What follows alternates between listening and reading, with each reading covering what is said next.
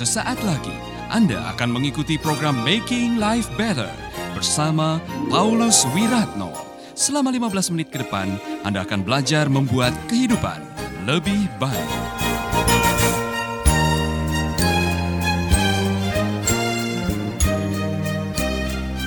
Yang kedua saudara pasti senang. Hidup dalam rencana Tuhan tidak berarti bebas dari kesalahan. Amin. Abraham membuat kesalahan. Daud membuat kesalahan. Dan orang-orang di dalam Alkitab yang lain, Musa membuat kesalahan. Jadi jangan pikir kalau Anda membuat kesalahan berarti aduh nanti rencana Tuhan tidak akan terjadi dalam kehidupan saya. Kalau itu rencana Tuhan yang namanya unconditional. Ada rencana Tuhan yang tidak bersyarat. Artinya Tuhan sudah menetapkan apa pun yang terjadi, Tuhan akan campur tangan. Nanti saudara akan melihat bahwa Tuhan yang intervensi supaya rencananya akan terlaksana. Jadi kalau saudara sedang dalam perjalanan menuju pada rencana Tuhan, kok tiba-tiba melakukan kesalahan, cepat-cepat kembali kepada Tuhan. Minta ampun, minta maaf. Ampuni saya Tuhan, koreksi diri, kemudian berjalan dalam rencananya. Ibarat saudara nyetir, kemudian tersesat. Karena di dalam buku manual itu sudah ada aturannya. Saudara harus ini jalannya, ini mapnya. Kalau tersesat balik lagi. Saudara-saudara saya melihat di televisi, hati-hati. Karena ada orang yang pergi ke satu tempat mengikuti map Google itu, masuk ke desa yang tidak ada jalannya setelah itu. Tersesat.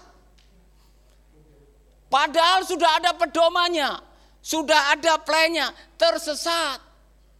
Nah, mau salahin siapa? Mbah Google, HP saudara, atau cara saudara settingnya salah. Ya kan? Saudara menentukan tempatnya salah. Apa pun juga, saudara, kita semua pernah tersesat. Saudara juga pernah tersesat. Kita semua pernah tersesat, ya kan? Saudara pernah tersesat? Salah masuk kemudian susah mau balik lagi. Saya pernah, saudara-saudara. Ya kan? Pas mobil itu. Mau mundur susah akhirnya pinjem halaman tetangga untuk kita bisa mundur. Masih ingat Pak Roni? Ya kan? Saudara-saudara, ketika kita tersesat, ketika kita membuat kesalahan, cepat kembali kepada jalan yang benar. Mundur. Kembali ke trek yang benar. Jangan malah, ah udahlah, sudah sesat begini. Mau apa lagi? Sudah terlanjur basah, nyemplung sekalian. Bodoh. Kembali. Nah, saya bersyukur di Google itu, kalau saudara tersesat dan sudah terlanjur, ada calculate. Calculate, artinya dibuatkan lagi cara bagaimana saudara bisa kembali ke track itu. Firman Tuhan juga akan menolong saudara kembali ke track yang benar. Calculate. Amin. Hidup dalam rencana Tuhan tidak berarti bebas dari kecerobohan. Kita semua pernah membuat kecerobohan. Iya kan? Abraham membuat kecerobohan yang membahayakan rencana Tuhan. Tapi kalau itu rencana Tuhan, Tuhan campur tangan supaya tidak ada intervensi manusia yang membatalkan rencananya. Kita semua pernah melakukan kecerobohan. Saudara melakukan kecerobohan, saya juga melakukan kecerobohan. Sudah terjadi mau apa? Ya kan? Kembali ke jalan Tuhan, bertobat. Jalani lagi apa yang menjadi rencananya. Hidup dalam rencana Tuhan tidak berarti bebas dari keraguan. Saudara pernah ragu, saya pernah ragu. Ya kan? Apalagi kalau itu sudah membuat penantian terlalu lama. Aduh kapan? Kapan Tuhan akan menyatakan, aduh kapan? Kemudian yang, yang ada di depan mata adalah kesulitan, tantangan, permusuhan. Saudara-saudara bisa membuat kesimpulan, mungkin ini bukan rencana Tuhan. Ada yang pernah mengambil kesimpulan karena terlalu lama menanti dan tidak kunjung datang apa yang dianggap sebagai rencana Tuhan dalam kehidupan saudara, kemudian saudara mengatakan mungkin ini bukan rencana Tuhan. Mungkin dulu saya emosi waktu membuat keputusan ini. Akhirnya saudara cari jalan pintas supaya cepat ada jawaban, datang ke dukun, mempertanyakan, benarlah hidup saya nanti seperti apa? Kemudian tangan saudara dibaca. Ya kan, ada huruf M. Oh nanti kamu akan mati. ya kan? Nah, saudara-saudara kita kita semua kalau tidak hati-hati, keraguan kita akan membahayakan kesetiaan kita. Ketika kita mengambil jalan pintas dan tidak sabar menanti, saudara masuk dalam jebakan iblis karena keraguan adalah lahan yang subur untuk menjatuhkan atau Anda yang ragu-ragu sebentar lagi mudah dijatuhkan. Waspadalah. Terakhir, tidak ada tangan manusia yang bisa membatalkan rencananya. Tidak ada tangan manusia. Perhatikan kisahnya Abraham dan Sarai. Ketika dia mau membatalkan rencana Tuhan, supaya tidak usahlah anak perjanjian, kemudian mereka mengambil jalan pintas, tidur dengan Hagar lahir Ismail, Tuhan tetap mengatakan itu bukan anak perjanjian. Saya akan setia kepada janji saya, tetap kamu akan melahirkan tahun depan. Jadi jalan pintas mereka bukan jalan Tuhan. Tuhan tidak akan pernah membatalkan rencananya hanya gara-gara engkau ambil jalan pintas. Kalau itu rencana Tuhan pasti akan terlaksana. Ada dua raja yang coba mau menodai Sarah, Abimelek dengan Firaun. Tapi Tuhan campur tangan membuat raja-raja itu merasa berdosa dan membatalkan rencana untuk menodai Sarah. Anda masih bersama Paulus Wiratno di Making Life Better.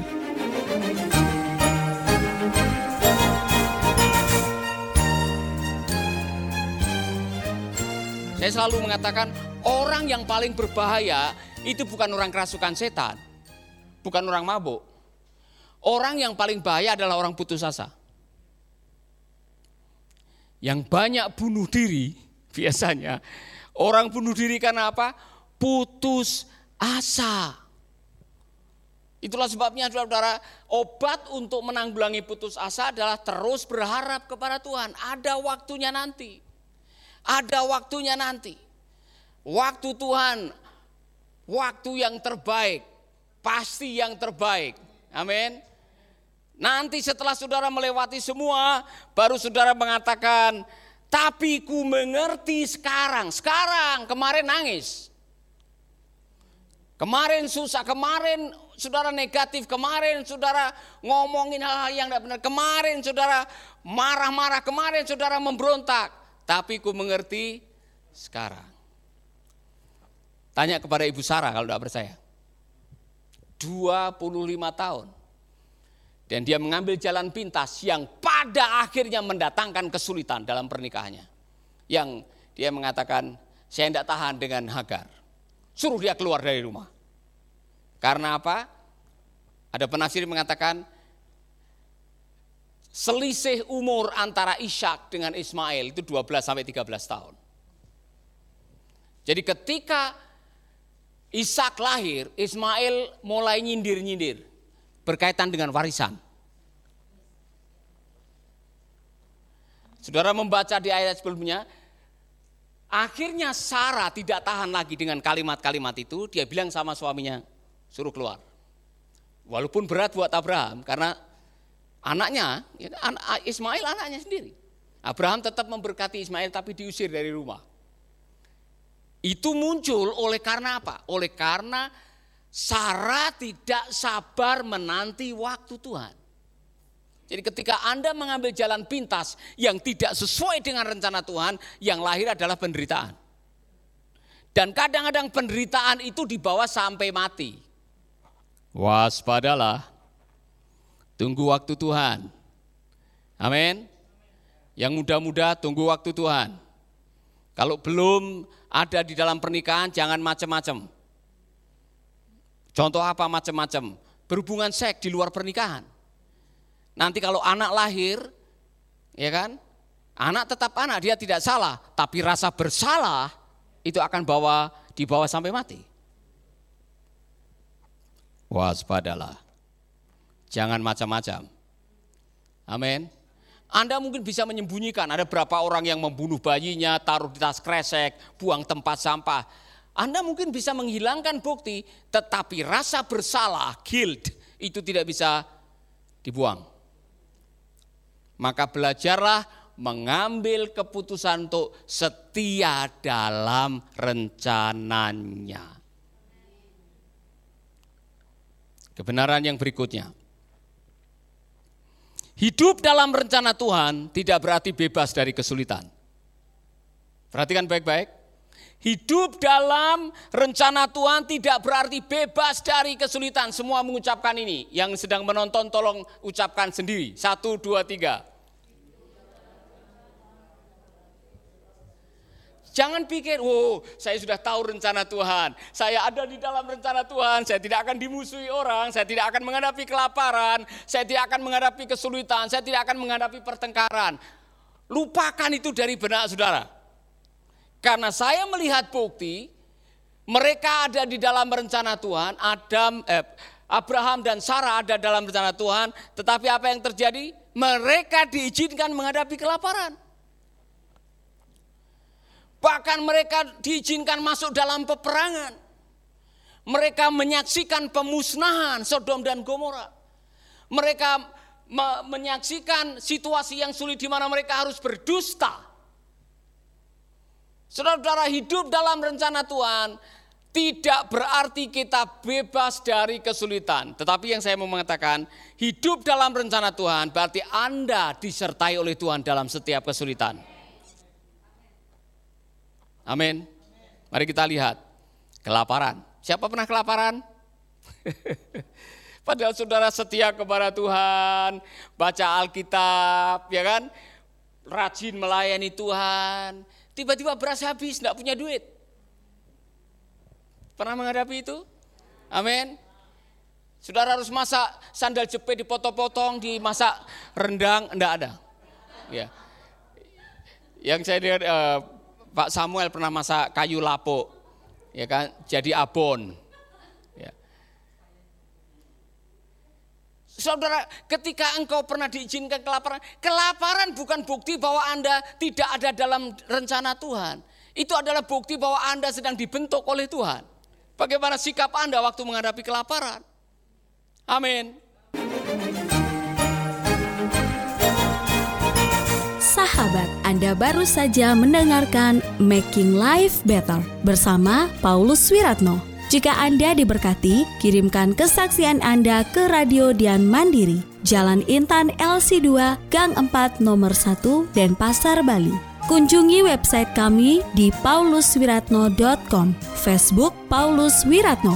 Hubungi kami di 0811 3901 144 dan 0811 3901 140. Sekali lagi 0811 3901 144 dan 0811 3901 140.